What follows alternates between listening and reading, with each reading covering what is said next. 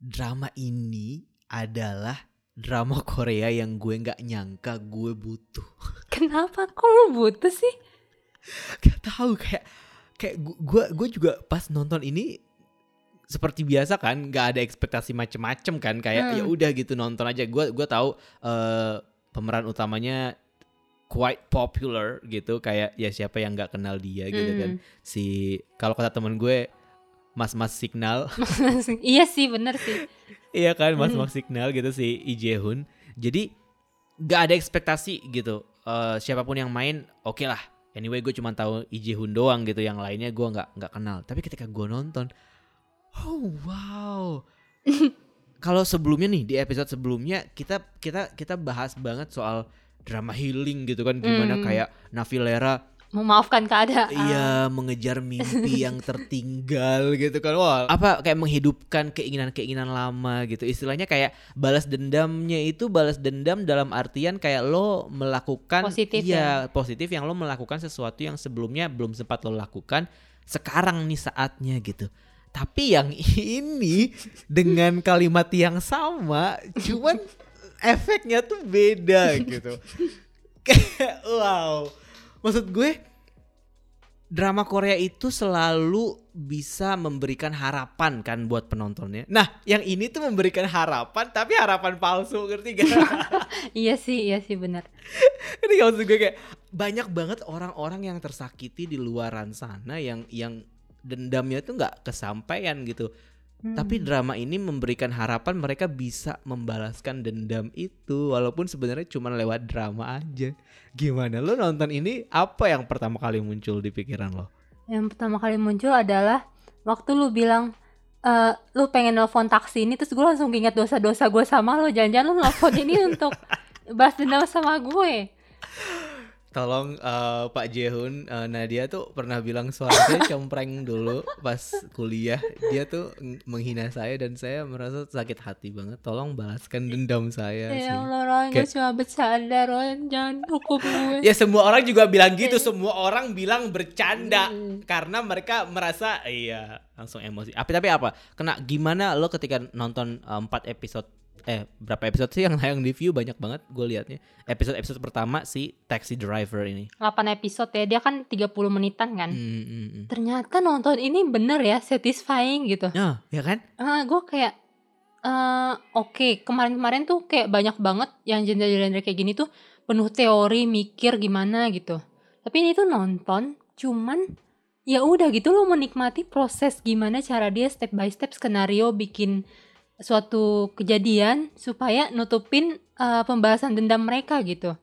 Dan apalagi yang episode yang bahas soal anak-anak bully itu gue kayak puas banget sih gitu. Walaupun kalau gue jadi di tim mereka mungkin gue akan membalas lebih lagi dari itu gitu. Mereka masih ini ya, masih nahan-nahan karena mereka masih anak sekolah ya. iya tapi kan emang anaknya tuh anak-anak dakjal semua gitu loh. Asli sih. kesel banget gue kalau udah soal bully-bully ini. Di satu sisi tuh Taxi Driver mengingatkan gue sama The, Un- The Uncanny Counter gak iya sih? iya benar Tapi dalam dalam versi yang berbeda gak sih? Iya, iya Mm-mm. benar kan? kayak gimana mereka terhubung dalam suatu perkumpulan yang aneh ini yang ada bapak tuanya lah yang ada cewek mudanya dan masing-masing juga punya backstory kenapa mereka akhirnya mau susah-susah melakukan hal ini kan gitu so far ada ini nggak karakter yang menurut lo paling eh, apa lo suka di sini Nah, sebenarnya kalau yang gue suka belum belum ada nih yang yang yang beneran kayak oh kayak misalkan cerok gitu kayak oh cerok gitu kan. Enggak sampai ya. belum sampai yang kayak gitu gitu. Cuman kalau di sini gue melihat eh, jadi kan si pemeran Goen itu kan sebelumnya ditawarkan dan Ah. udah dimainkan oleh si membernya April yang namanya Naan kan. Iya, Tapi iya. akhirnya keluar karena kasus bully kan. Mm, Jadi mm, kayak kalau beneran dia main di sini ini agak ironi iya ya iya. gitu. Kayak iya. pelaku yang dituduh pelaku bully tapi membalaskan dendam orang yang dibully Mhm, gitu. mhm, jadinya tuh kayak gue nggak tahu sih eh, pada akhirnya kalau misalkan eh, Naan beneran main di sini terus tayang beberapa episode kemudian kasusnya kayak Joseon Exorcist gitu misalnya atau atau gimana yang yang akhirnya atau kayak Jisoo gitu yang harus diganti di tengah-tengah itu tuh kayak wah drop banget Iya, sih. iya, maksudnya eh, ini kan ini kan eh, pesan kemanusiaannya adalah nggak nggak nggak manusiawi sih nggak ada pesan kemanusiaan sih. Ini lebih lebih dendam aja sih lebih lebih uh, nafsu setan aja sebenarnya. Tapi keinginan untuk uh, keadilan kan sebenarnya mencari keadilan bahwa ketika ada orang yang disakiti orang yang menyakiti itu ya harus dibalas sama sakitnya gitu.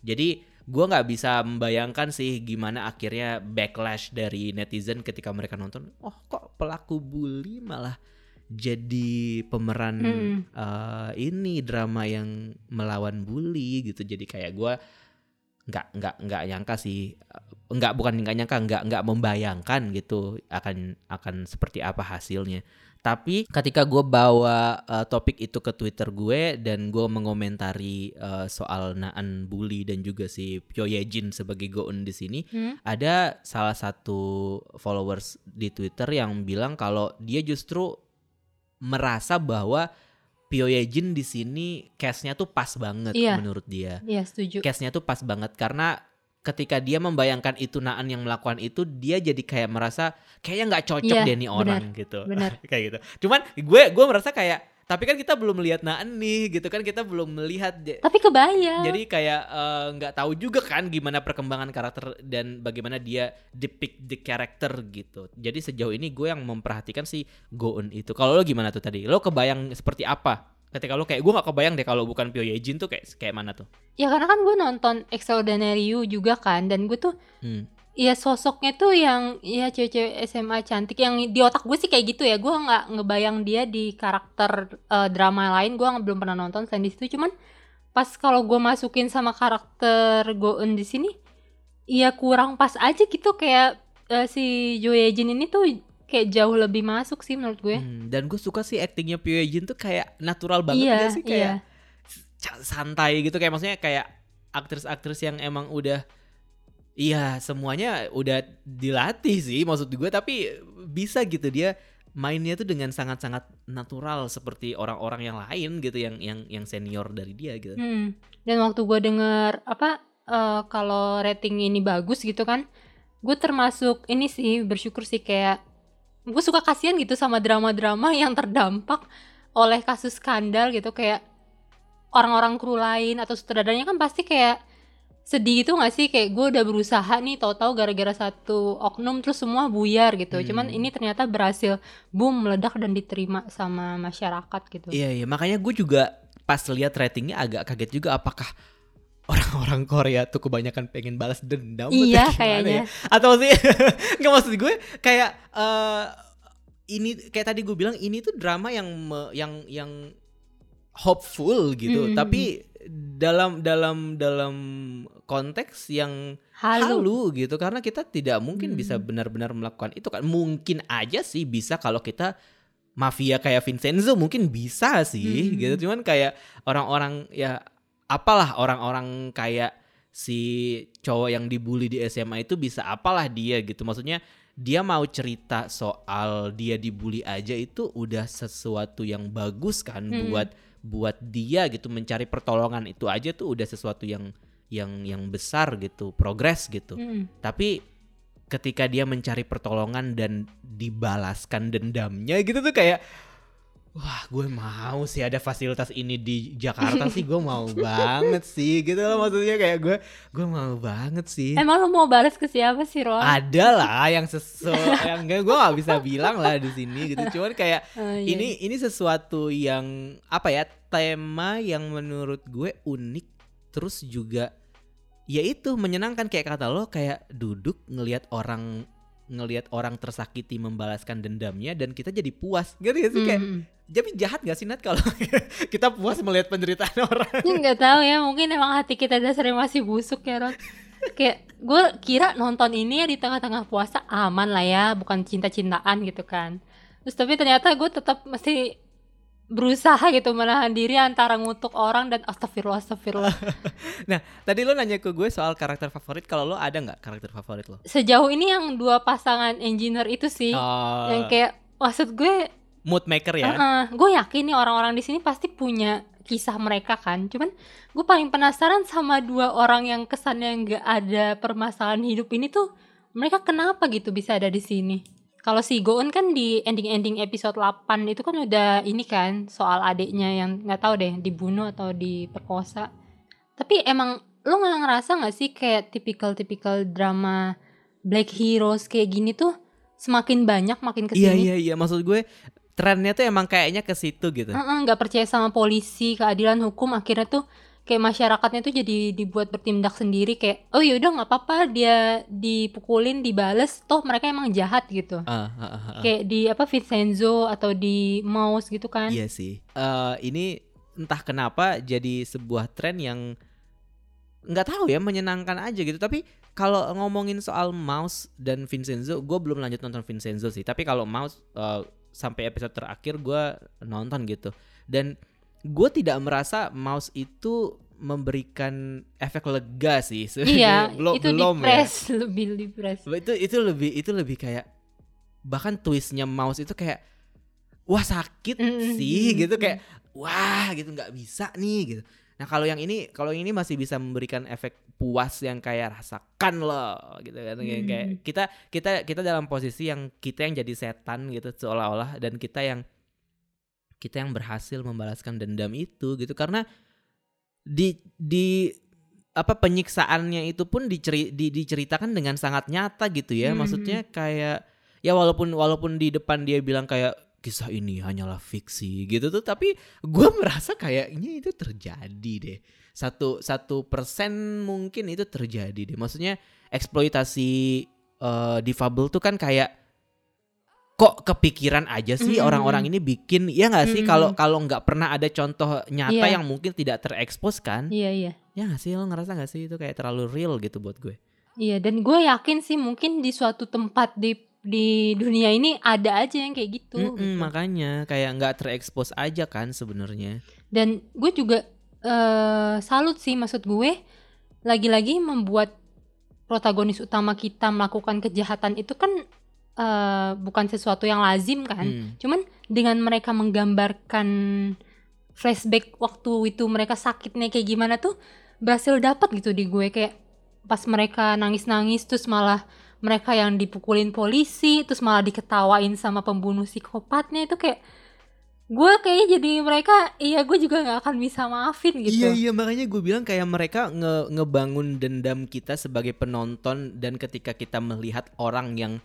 apa ketika kita melihat aksi balas dendamnya itu kita sebagai penonton pun merasa dendam kita tuh terbalaskan gitu. Karena eh, wah gue nggak gue jujurnya gue nggak sanggup ngelihat eh, Maria dicelupin mukanya ke ember gue Hmm. skip loh. Itu gue skip skip loh. Terus si eh, anak SMA itu adegan itunya gue skip. Gue nggak berani gue bukannya nggak berani ya lebih ke kayak nggak tega gitu. Hmm. kayak aduh aduh gitu. Kayak Hmm. "Ah, sedih banget gitu loh. Tapi ketika adegan it, adegan balas dendamnya wah tepuk Iya. tangan standing ovation gue kayak wah mampus lu gitu kayak jahat ya Iya, tapi iya. gimana dong gitu drama ini memang dibuat supaya kita sebagai penonton Menyalurkan jadi, mengu- emosi. jadi mengutuk iya gitu loh Iya iya bener Dan gue suka ya yang di eh, episode bahas anak SMA itu tuh beberapa kali tuh mereka kayak menekankan bahwa ya walaupun pelakunya masih muda, cuman tetap aja korbannya itu tuh bisa mengalami trauma psikis yang sama gitu, eh, kejahatan Hmm. yang sama. Jadi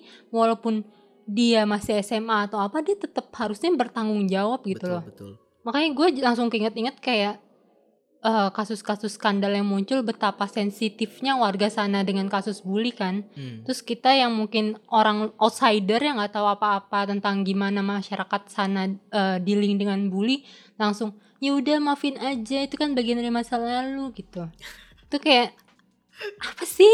Mending kita diem aja dan doain kalau emang itu idola lo gitu. Maksudnya lo bukan pada posisi yang berhak untuk memaafkan gitu. Lo bukan bukan korbannya, bukan keluarga korban gitu, bukan bagian masyarakat dari sana.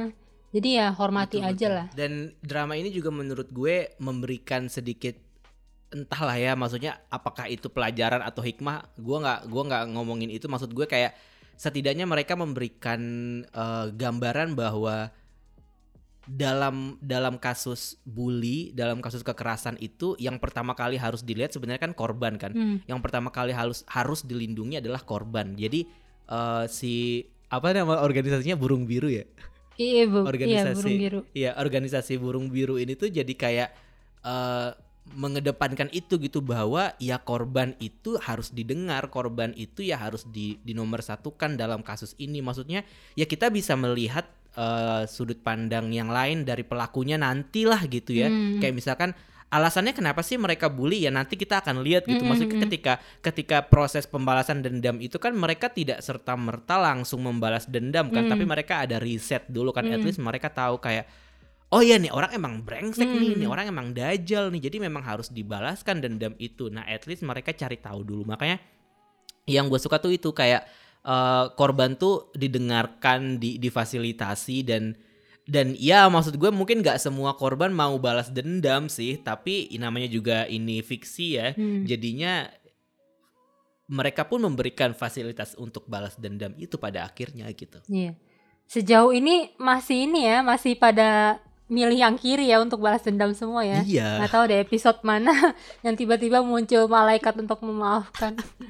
Kayaknya kalau gue sih kayak eh, lebih penasaran kayak gimana nanti eh, drama ini akan dibawa ke sampai episode terakhir. Soalnya kan kalau dilihat dari em, episode, episode pertama itu kan polanya sama kayak drama-drama kriminal yang lain kan Per kayak kasus ya. satu selesai kasus ya beda muncul kasus lagi yang lain gitu kan. Hmm. Nah, Uh, sementara inti dari ceritanya itu kan si bapak tua ini kan dari Mm-mm. tadi kita nggak sebutin namanya siapa sih maaf bentar Pak ngintip Jang. dulu di Asian Wiki Pak Jang ya Hmm. Pak Jang ini kan sebenarnya yang yang uh, intinya kan dari dari dia kan karena bagaimana organisasi ini terbentuk kan juga sebenarnya karena dia Hmm. gitu dan si pembunuh yang muncul di episode pertama itu pun kan belum selesai juga kan Hmm. ininya uh, kasusnya jadi itu sih bagaimana mereka uh, twist apa yang akan mereka kasih bersamaan dengan usaha mereka untuk membantu orang-orang yang tertindas dan di saat yang sama juga masih banyak banget karakter-karakter utama yang masa lalunya masih belum digali gitu. Hmm.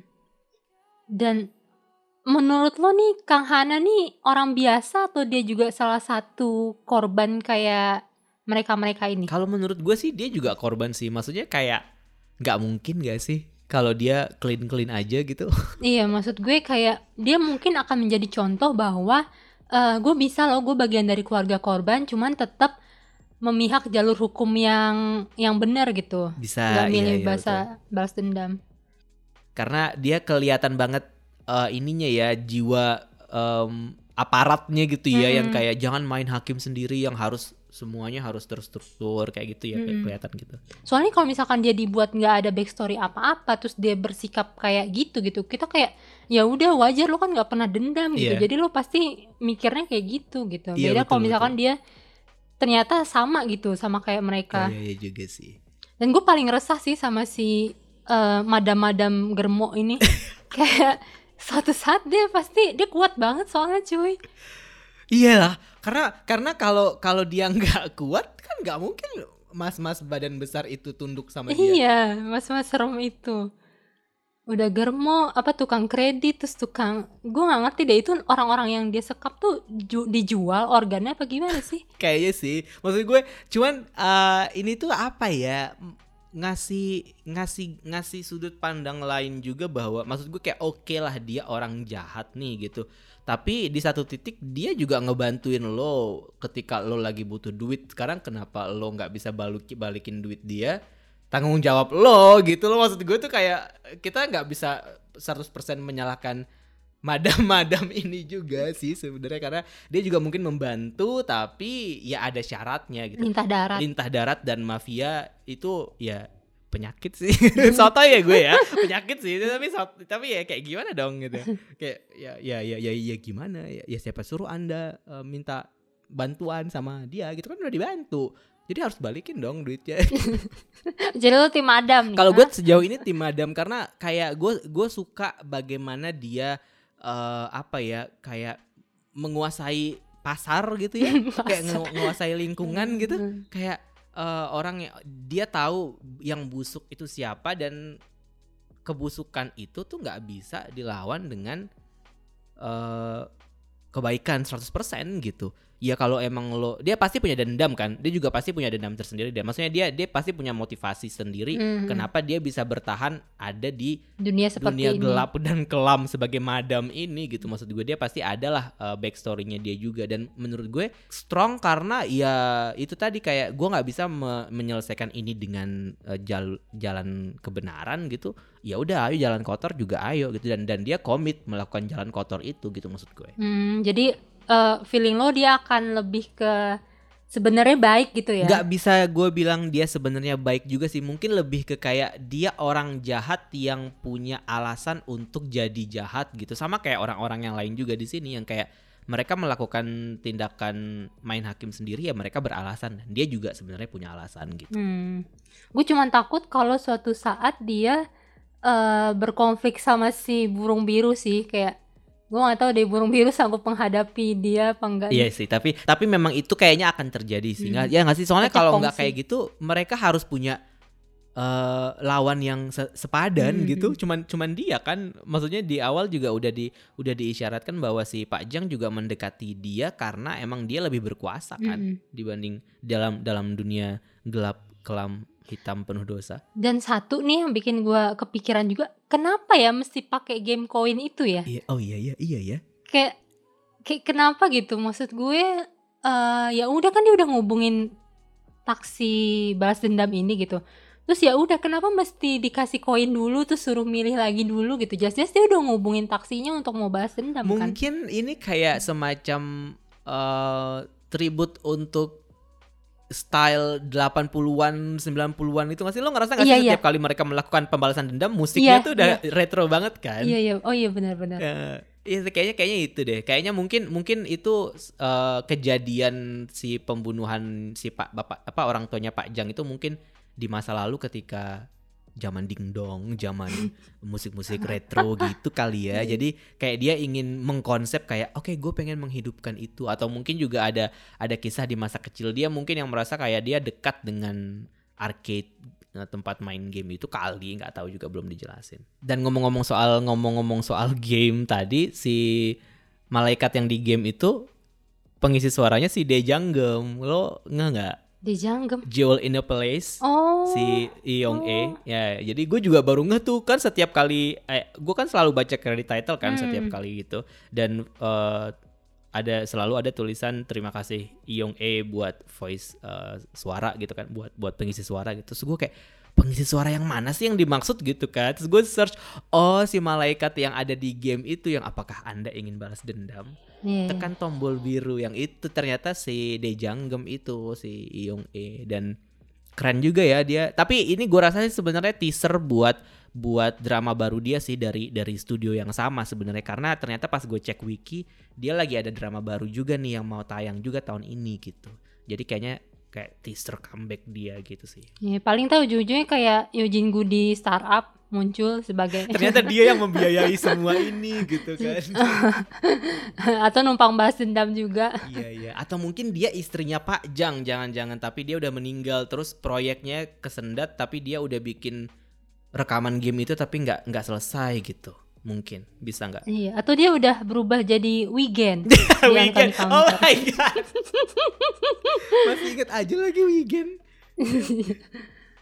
Ekspektasi apa nih yang belum tersampaikan ketika nonton ini atau atau atau makan lo sebagai penonton juga tidak berekspektasi tapi kayak ah ternyata gue puas juga ya gitu. gue ekspektasinya ini sih, gue lebih penasaran akhirnya gimana orang-orang yang masih penuh dendam dan trauma ini bisa melepaskan dendamnya itu. Oh.